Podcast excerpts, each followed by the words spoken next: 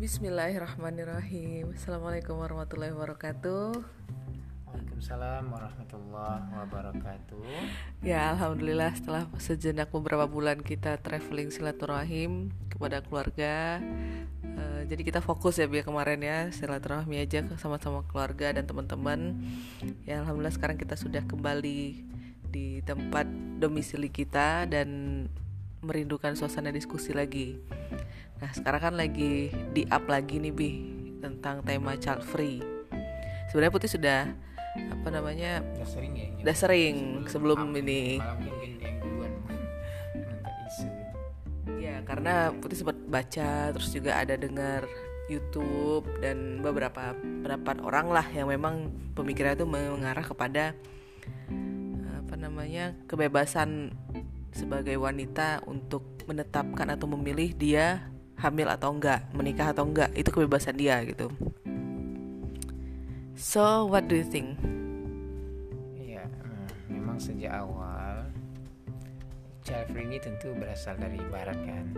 Nah, itu yang pertama yang perlu kita highlight. Nah, dalam pandangan barat memang tubuh dia sendiri itu adalah miliknya. Dia tidak ada hubung kaitnya dengan Tuhan kalau mau kita katakan wajar ya wajar lah. Mereka oh, berpendapat punya pendirian punya keinginan seperti itu. Karena aktivitas mereka itu adalah aktivitas yang tidak ada hubungannya dengan perintah ataupun kewajiban agama ataupun sunnah kalau dalam bahasa kita. Nah itu. Jadi atau bahasa mudahnya ya kehidupan ini tidak ada orientasi akhirat Nah itu biarlah mereka child free. Nah yang menjadi problem pandangan mereka. Pandangan mereka.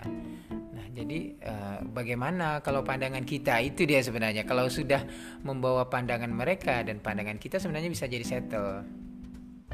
Dalam uh, pandangan kita child free itu adalah sesuatu yang uh, meru- sini? ya meru- uh, dikatakan uh, boleh kalau dari segi hukum memilih untuk uh, tidak atau uh, memilih beranak itu nanti dulu ya kita tidak bicara masalah hukum tetapi dari sisi tujuan. Tujuan menikah. Nah salah satu tujuan menikah itu dalam Islam adalah bagaimana kita memiliki keturunan. Itu salah satu tujuan. Nah kalaulah memang ada unsur kesengajaan child free itu kan Sengaja. menyengaja memplanning kan? Memplanning bagaimana uh, mereka itu setelah menikah mau punya anak atau tidak. Mau ataupun kalau mau punya anak jumlahnya berapa dan lain-lain seperti itu. Tapi ini khusus uh, mereka memilih untuk tidak uh, punya anak seperti itu. Nah jadi uh, ada kerugian. Kerugian kan banyak sekali. Uh, kalau kita telusuri dari untung dan rugi dalam memiliki anak. Ini dari segi kita dunia lah. Kalau misalkan dari ini pandangan kita yang maksud adalah kita sebagai muslim. Ya. Islamic worldview ya Islamic worldview. Ya kalau dalam Islamic worldview memang disuruh banyak anak justru. Tujuan pernikahan bahkan nikah nikah itu dari segi bahasa itu adalah memasukkan kan. Memang disuruh dalam arti memasukkan oh, supaya memang memiliki anak jadi kalau tujuannya itu uh, tidak memiliki anak berarti sudah keluar dari tujuan-tujuan uh, Islami dari suatu uh, pernikahan. Kalau diniatkan. Uh, iya, kalau maksudnya? Ya kalau diniatkan, oh salah punya anak berarti dia sudah ya tanda kutip yeah. melenceng dari tujuan pernikahan yeah. sendiri salah satunya. Sudah ibaratkan dia mau makan itu dia sudah berniat nggak mau kenyang jadi dia mau makan tapi dia nggak mau kenyang kan? Uh, lucu dia mau uh, minum tapi nggak mau menghilangkan haus gitu. nah Islam itu memiliki uh, prosedural maksudnya memiliki tujuan-tujuan tertentu dalam sebuah uh, aktivitas. Nah jadi uh, dari segi pandangan Islam tentu sudah uh, menyalah lah menyalah dari uh, tujuan dari pernikahan itu sendiri Nah kemudian uh, uh, free uh, free dalam Islam. Makanya abang tuh mungkin ada hubung kaitnya free itu kan abang kan kajian halal. Nah halal itu artinya uh, bebas artinya uh, free juga free. Cuma dalam konsep Islam. Dalam konsep Islam itu kebebasan itu adalah sesuatu yang mengikut uh, apa yang Allah gariskan makanya kebebasan itu uh, bisa diartikan kalau kita bedakan kepada kebebasan yang sifatnya wajib ya. kebebasan yang sifatnya wajib itu adalah sesuatu yang harus kita kerjakan nah, seperti sholat jadi kalian bebas hidup di dunia ini, tapi kebebasan itu ada yang di Allah tetapkan, yaitu kebebasan untuk melakukan ibadah yang wajib.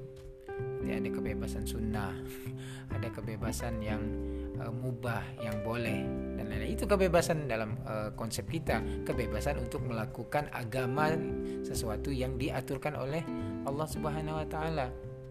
Nah, contoh kebebasan wajib itu ya kita kita bebas untuk melakukan sholat ya tapi nggak boleh bebasnya enam enam apa enam waktu ya ya lima bebas cuman mungkin menentukan waktunya eh? bagi yang hmm merasa apa namanya rindu sama Allah ya habis azan cepet-cepet lah ya. Gitu ya. Uh, kemudian uh, bebas untuk uh, kita contohkan lah tadi uh, sholat. Jadi bebas kita tapi ada aturannya uh, rakaatnya untuk zuhur tuh empat. Nggak boleh bebasnya. Oh ini kebebasannya mau mau buat lima enam. Makanya kan ada kemarin John uh, uh, John Roy kalau nggak salah itu mau buat sholat itu pakai al-fatihah bahasa Indonesia orang Jawa pakai bahasa Jawa Cina pakai bahasa nggak bisa. Bebas dalam sini keaturan seperti itu.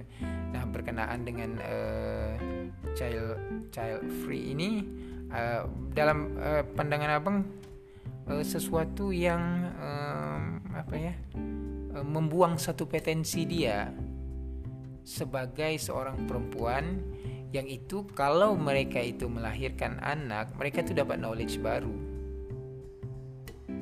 bagaimana misalkan mereka bisa menghandle orang kemudian bagaimana dia bisa growing uh, orang bisa mendidik kemudian uh, bisa, bisa manage emosi. bisa banyak banyak nah jadi artinya dia uh, sedang uh, membunuh potensi-potensi dia sebagai seorang yang uh, memang potensinya itu ada pada dia. Jadi seorang ibu itu nalurinya uh, ada yeah, yeah. pada pada dia itu Nah jadi uh, kalau hari ini orang sudah misalkan self development, pengembangan diri dan lain-lain itu bisa dia dapatkan melalui uh, uh, memiliki, memiliki anak, anak salah satunya. Seperti itu. Ketika mereka tidak uh, memilih untuk menjadi anak itu banyak sekali uh, memilih tidak memiliki anak. Uh, memilih untuk tidak memilih anak itu bisa jadi kita perspektifkan satu mereka malas, malas untuk mengurus orang malas untuk belajar. belajar bagaimana bisa dia membaca misalkan bagaimana untuk menghandle anak kecil uh, bagaimana bisa nggak mudah memang hmm. contohnya kayak yeah. itu ini aja kita harus mikir yeah. gimana biar dia bisa mau belajar dan dia lemah dalam self eh, management apa nah jadi uh, waktu ya tahu lah nah, ya, ya, ya. jadi uh, uh, mereka lemah dari segi manajemen waktu. Manajemen waktu sebenarnya. Tidak ada mereka banyak banyak manajemen. iya kita kan kita kan uh, sedang berbicara bagaimana orang barat menghadapi kehidupan hari ini. Mereka mengangkat tema manajemen waktu time management. Tapi dari segi pengaturan mereka itu uh, berkeluarga ternyata nggak mampu untuk mengatur bagaimana segi anak. Itu dari segi uh, manajemen waktu. Kemudian uh, dari segi apa lagi uh, manajemen keluarga manajemen keluarga manajemen juga apa pembagian tugas suami istri pembagian Karena tugas bukan, jangan jangan berpikir yeah. maksudnya ketika punya anak itu hanya wanita tanda kutip yang disusahkan yeah, yeah. ya di sini justru kalau kita lihat para nabi itu hmm. banyak para yeah. rasul dan para nabi itu yang berperan yeah. penting mendidik anak gitu kan. iya mereka mereka uh, lemah dalam mendid, uh, membagi, memporsikan cinta. Mereka kan ada misalkan argumen kalau punya anak kita nggak close each ya, other. nggak romantis artinya mereka nggak bisa memetakan atau berperilaku justice kan kita sudah tahu kalau kita uh, ber, kalau sudah suami istri begini porsinya untuk kita membagi eh, eh, cintanya kepada istri. Kalau dengan suami eh, dengan uh, apa dengan anak dengan anak seperti ini dengan orang tua seperti ini. Uh, kemudian juga ada muncul egoisme. Dia nggak sadar tuh kalau dia itu lahir dari anak kecil juga dulunya. Iya kan? Uh, artinya dia tidak mau uh, berbagi kalau dia merasa happy berdua misalkan kenapa dia tidak melahirkan generasi yang juga happy? Seperti itu. Tapi dia memberi contoh tidak berdua. Misalkan dia melahirkan anak artinya kalau dia ada merasa happy di dunia ini oke okay, kalau dia merasa happy di dunia ini kenapa dia tidak membuat generasi baru yang juga ikutkan merasa happy? Nah ini menarik. Maksudnya ketika abang bilang seperti itu ada juga argumen-argumen yang putih sedikit lihat lah gitu dan dengar gitu ya. Salah satunya mereka bilang justru karena mereka tidak egois gitu. Ya, apa, jadi apa contohnya apa? begini banyak orang tua yang bahkan dia bilang orang tua dia sendiri pas dia tanya kenapa pengen punya anak? Lu ya karena ini karena ini aja kayak memenuhi tuntutan sosial. Hmm. bahwasanya nikah tuh harus ada anak. Kalau nggak ditanya terus kapan punya anak? Kapan punya anak? Hmm. satu. Yang kedua karena nggak mau dibilang uh, mandul misalnya. Hmm. akhirnya memenuhi perspektif orang. Atau karena pengen nanti pas tua ada yang ngejagain. Terus karena nanti bahkan pas meninggal ada yang ngedoain gitu kan. Jadi kata dia kenapa harus meletakkan kebahagiaan atau bahkan kayak beban ke anak yang bahkan belum lahir gitu kan. Nah itu salah satunya dia dia kayak mengomentari niat punya anak juga gitu kan. Jadi menurut dia agak egois ketika misalnya harus meletakkan hal-hal yang begitu tuh kepada anak gitu. Terus ada juga yang berpendapat bahwasanya mungkin kita jawab dulu. Oke. Okay uh, berkenaan tuntutan sosial. Ini abangnya sedang belajar statistik maksudnya belajar statistik. Dan tesis abangnya ditanya tentang uh, statistik. Sekarang orangnya berapa orang yang mengatakan orang itu uh, beranak karena tuntutan sosial? Jangan jangan, jangan karena kita perspektif kita lalu kemudian mengkuat uh, dengan maka, mengatasnamakan orang lain atau semua orang bahkan. Nah jadi perlu itu satu. Uh, siapa kemudian berapa jumlahnya apakah semua perempuan uh, perspektif itu satu? Kalaupun memang ada kalaupun memang ada ternyata real orang uh, mengatakan tuntutan sosial maka dia sebagai seorang perempuan yang uh, yang yang yang berpihak kepada child free harus mengubah perspektif itu. Bilang aja aku bukan karena tuntutan sosial aku memang ingin menggrowing anak ini sebagai supaya dia menjadi uh, educated people. Bagaimana nanti anak ini bisa merubah orang? Bagaimana anak ini nanti bisa merubah keburukan sosial yang ada? Mungkin orang ini orang-orang tua sekarang ini sudah tidak bisa lagi diubah pemikirannya. Ya udah aku akan produce dua tiga empat nanti aku melahirkan yang good good man. Seperti itu. Kalau misalkan sekarang banyak lahir Batman yang tua-tua itu ya udah.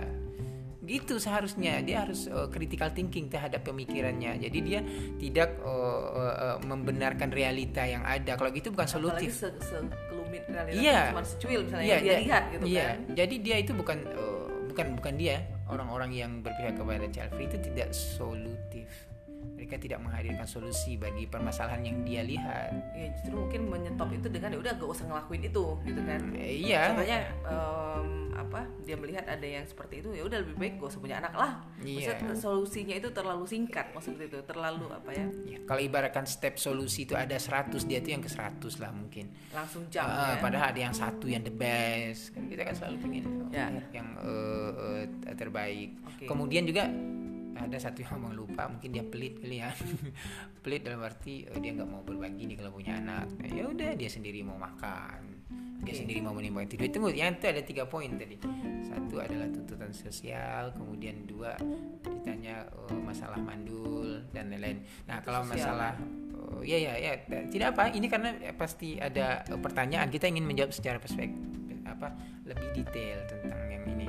Nah berarti dia itu negatif thinking yang selalu memikirkan perspektif justru dia yang yang memikirkan perspektif orang. Nanti orang uh, apa seharusnya dia memberikan solusi bahwasanya uh, kita harus menyampaikan bahwasanya kita punya anak. Seharusnya dia itu membuat sebuah lembaga khusus yang uh, mencoba untuk uh, mengedukasi masyarakat bahwasanya kita ini punya anak bukan karena nanti dibilang orang itu yang yang harus dia lakukan.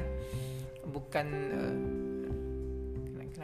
ya maksudnya dia tetap memiliki anak. Pada saat yang sama dia juga mengedukasi people. Bahwasanya kita ini punya anak ini bukan karena uh, apa supaya masyarakat itu me me mengatakan kita ini tidak uh, mandul ngerti tidak makanya maksud maksud abang kembali ke poin yang pertama tadi bahwasannya Iya. dia harus Dia- menghadirkan tujuan dia Ya. bukan yang seperti seperti yang barusan Iya. tadi dibilang. Termasuk Jadi masalah- juga tentang egoisme Iya. sebagai orang tua yang ingin menggantungkan tanda kutip hidupnya Ya, di itu yang poin tiga tuh ya, Iya, ya, iya. yang poin tiga Iya, Nah, maksudnya yang poin dulu tadi kan mirip yang pertama kan. Iya, iya. Intinya maksudnya dia harus tanda kutip declare lah gitu. Bahwasannya kami ini kalau memang dia tidak mau mengikuti kata dia orang-orang yang punya pendapat bahwasanya punya anak karena tuntutan sosial dan juga tidak mau dibilang mandul, harusnya dia bukan yang solusinya nggak punya anak tapi Iya. punya anak dengan perspektif yang berbeda. Berbeda. Ini yang kayak- kata menurut dia benar tuh apa gitu perspektifnya gitu kan? Iya kayak gini kayak orang uh, uh, memiliki lahan uh, satu hektar. Nah di lahan itu misalkan tandus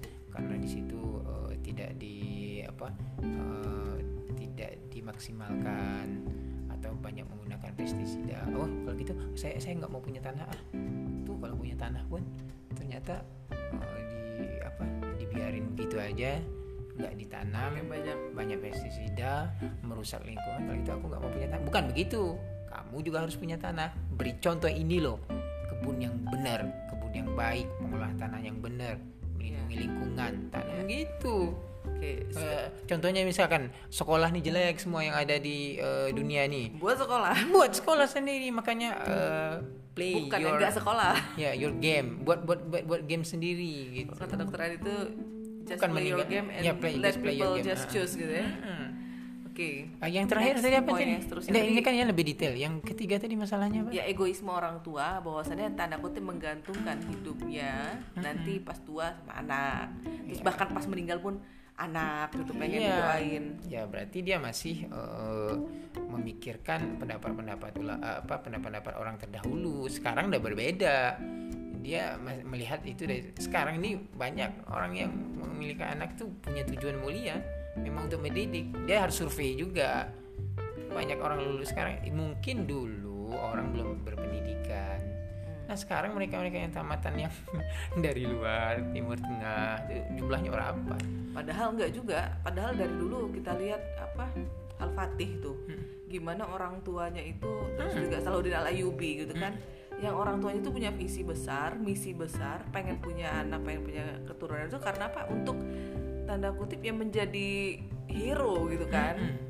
Iya kan? Iya, memang. Jadi eh, bukan hanya maksudnya bukan orang dulu nggak berpendidikan, bahkan orang dulu eh, mungkin di apa ya era modern yang dulu gitu.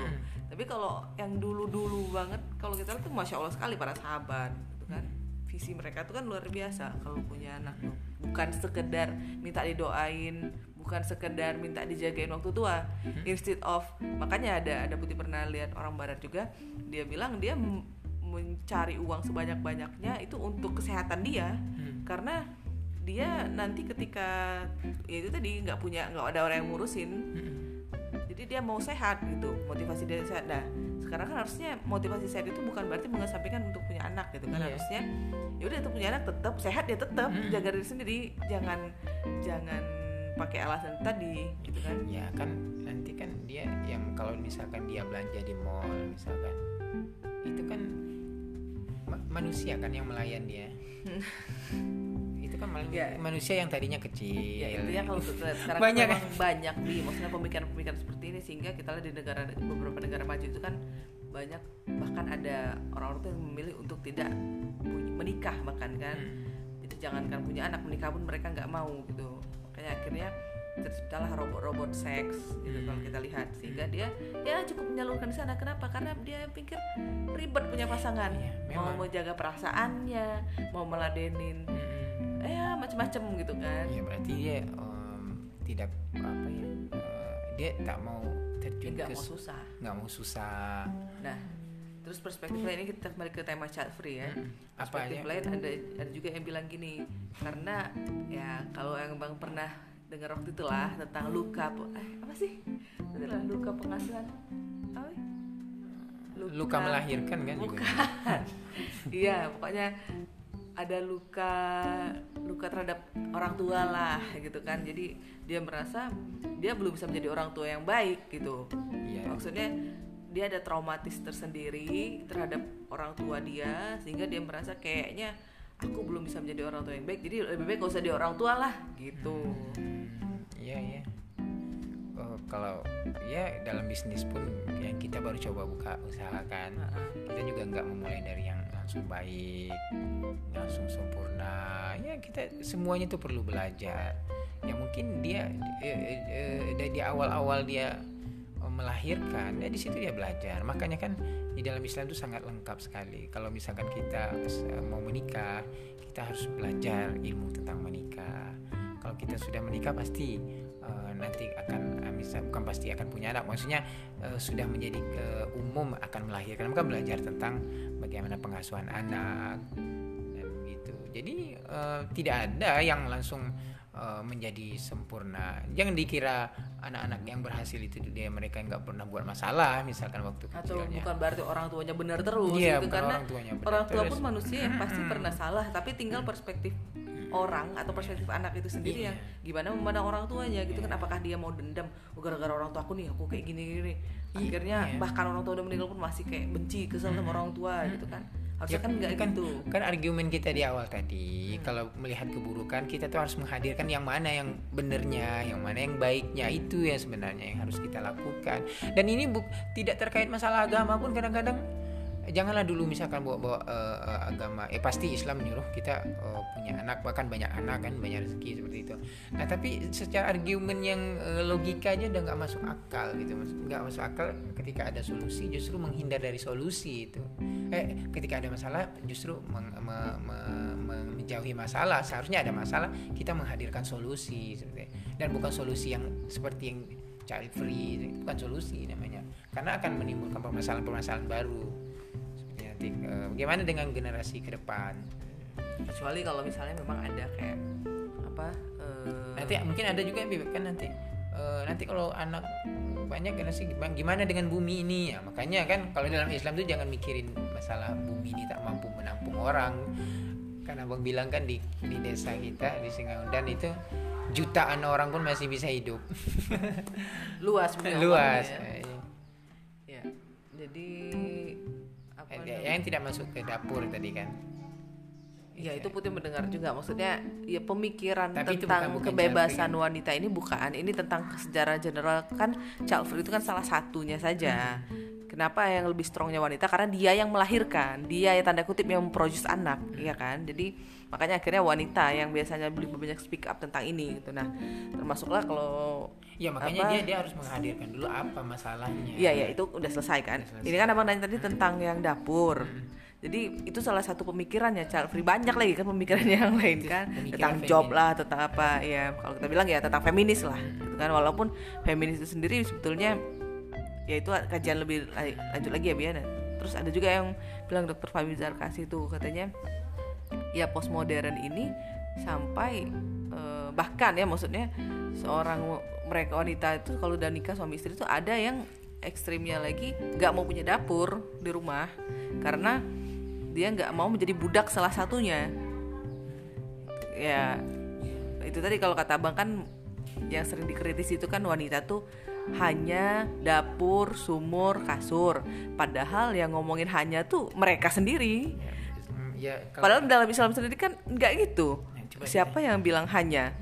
coba kita bisa masalah budak misalkan dia makanya orientasi kita itu kan orientasi akhirat kita berbeda kan Eh, kita kita tidak mengatakan eh, ketika seorang perempuan itu misalnya dia me- me- mengikhlaskan diri untuk memilih ataupun berperan di dapur. Dalam pandangan kita itu ada pahala kan di sana. Reward dalam pandangan Islam itu satu ada reward dunia dan ada reward di akhirat. Nah dalam pandangan kita insya Allah kita mendapatkan reward eh, akhirat. Yang kedua eh, berkenaan dengan da- dapur tadi apa namanya? Lupa ada yang ada yang ngobrol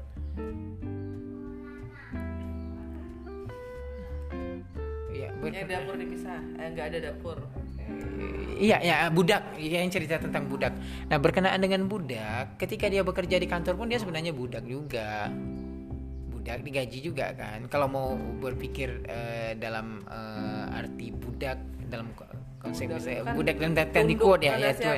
sama siapa, Eh, kan? Tunduk sama siapa disuruh bekerja mau dia itu kan orang-orang perempuan bekerja misalkan kalau dia mau kita ekstrimkan ya dia kan ekstrim tuh. Memikirkan orang di perempuan di dapur tuh budak. Nah kita ekstrim juga. Mereka yang bekerja perempuan yang bekerja yang di eh, mengikuti perintah bosnya itu kemudian dikasih duit. Itu juga harus kerja jam sekian harus kerja jam sekian. kamu kalau apa pakai finger Print. eh, print. Kalau harus hadir jam sekian. Kalau Harus enggak berpakaian harus berpakaian rapi. Kalau enggak kena eh, macam-macam gitu. Yang ada ngeri lagi tuh di harus ada namanya eh, neck neck day. Naked day. ya ada di suatu perusahaan yang memasakkan diri untuk meningkatkan apa eh, gairah kerjanya tuh nggak pakai pakaian. Ada? Ada. Itu namanya ya? western. Jadi kalau bicara masa western tuh eh, banyak yang aneh-aneh yang gila-gila gitu kan. Nah jadi eh, itu juga bagian daripada perbudakan kan dipaksa untuk eh, melakukan hal yang sedemikian. Nah jadi eh, ya jangan dipaksakan lah pemikiran-pemikiran yang eh, apa, yang ekstrim gitu. Nggak ada yang menganggap itu sebagai budak. Kenapa mendefinisikan pemikiran eh, sendiri? Kenapa eh, defini apa yang dia perbuat itu dia harus critical thinking balik? Maksudnya dia bekerja makanya. bekerja yang berapa hari itu berapa jam itu dia dianggap budak. Itu dia. Jadi kadang kur- kurang adil dalam berpikir. Dalam artian dia dianggap kalau dia yang berpikir begitu dianggap dia kebebasan berekspresi. Tapi jika orang lain yang berpikir begitu dianggap orang tujuh apa Iya, kuno, terus tidak tidak eh, kayak gitu. Jadi kan nggak adil kan giliran dia boleh kebebasan giliran orang lain nggak boleh gitu. Artinya pada pandangannya kebebasan itu definisinya hanya ada pada mereka kebebasan itu hanya apa yang mereka eh, pahami sebagai kebebasan. Kalau orang lain selain mereka itu memahami kebebasan seperti itu itu nggak bebas. Ya dianggap tidak bebas dan tidak tidak maju gitu pemikirannya. Karena kita dianggap dikungkung oleh bukan stigma apa sih bi stigma agama lah. Iya stigma agama. Terus juga apa ada istilah satu tuh? Dikungkung oleh ya kerangka berpikir seperti itu gitu. Kayak ini apa namanya? Doktrin doktrin. Doktrin ya biasa- padahal biasa. padahal dalam Islam sendiri itu kita bebas gitu kan mem- memilih dalam artian ya kan untuk eh, memilih anak kan juga bebas. Nah, tapi dalam pandangan kita kebebasan itu adalah apa yang eh, Allah tentukan. Nah, Allah tentukan ya punya anak. Harusnya ya udah let it flow aja. Ya begitulah kalau cepet ya alhamdulillah. Nggak usah nggak usah di apa terlalu di setting ya ini kena nanti misalkan ada yang eh nanti Allah punya anak gitu. Macam ya. Gitulah alhamdulillah diskusinya cukup ya, tapi kalau yang nanti itu kan eh, bukan child free ya itu lain lagi. Iya, tapi ada ada juga bahkan yang ngomenin kalau yang nanti nanti tuh ya nggak perlulah di digituin. Maksudnya nanti punya anak mau ini dulu ini. Tapi Allah alam itu orang punya punya perspektif eh, maksudnya ini- reason reason yang kuat masing-masing ini, ini karena fokus fokus child free dulu. Nanti kalau masalah eh, Menunda. eh, menunda itu memang sebenarnya kita itu disuruh memang ya kalau sudah memang ditakdirkan untuk dapat ya udah diterima. Karena Allah yang menjamin rezekinya. Makanya balik-balik lagi kita kepada perbedaan worldview. Ya. Oke thank you sayang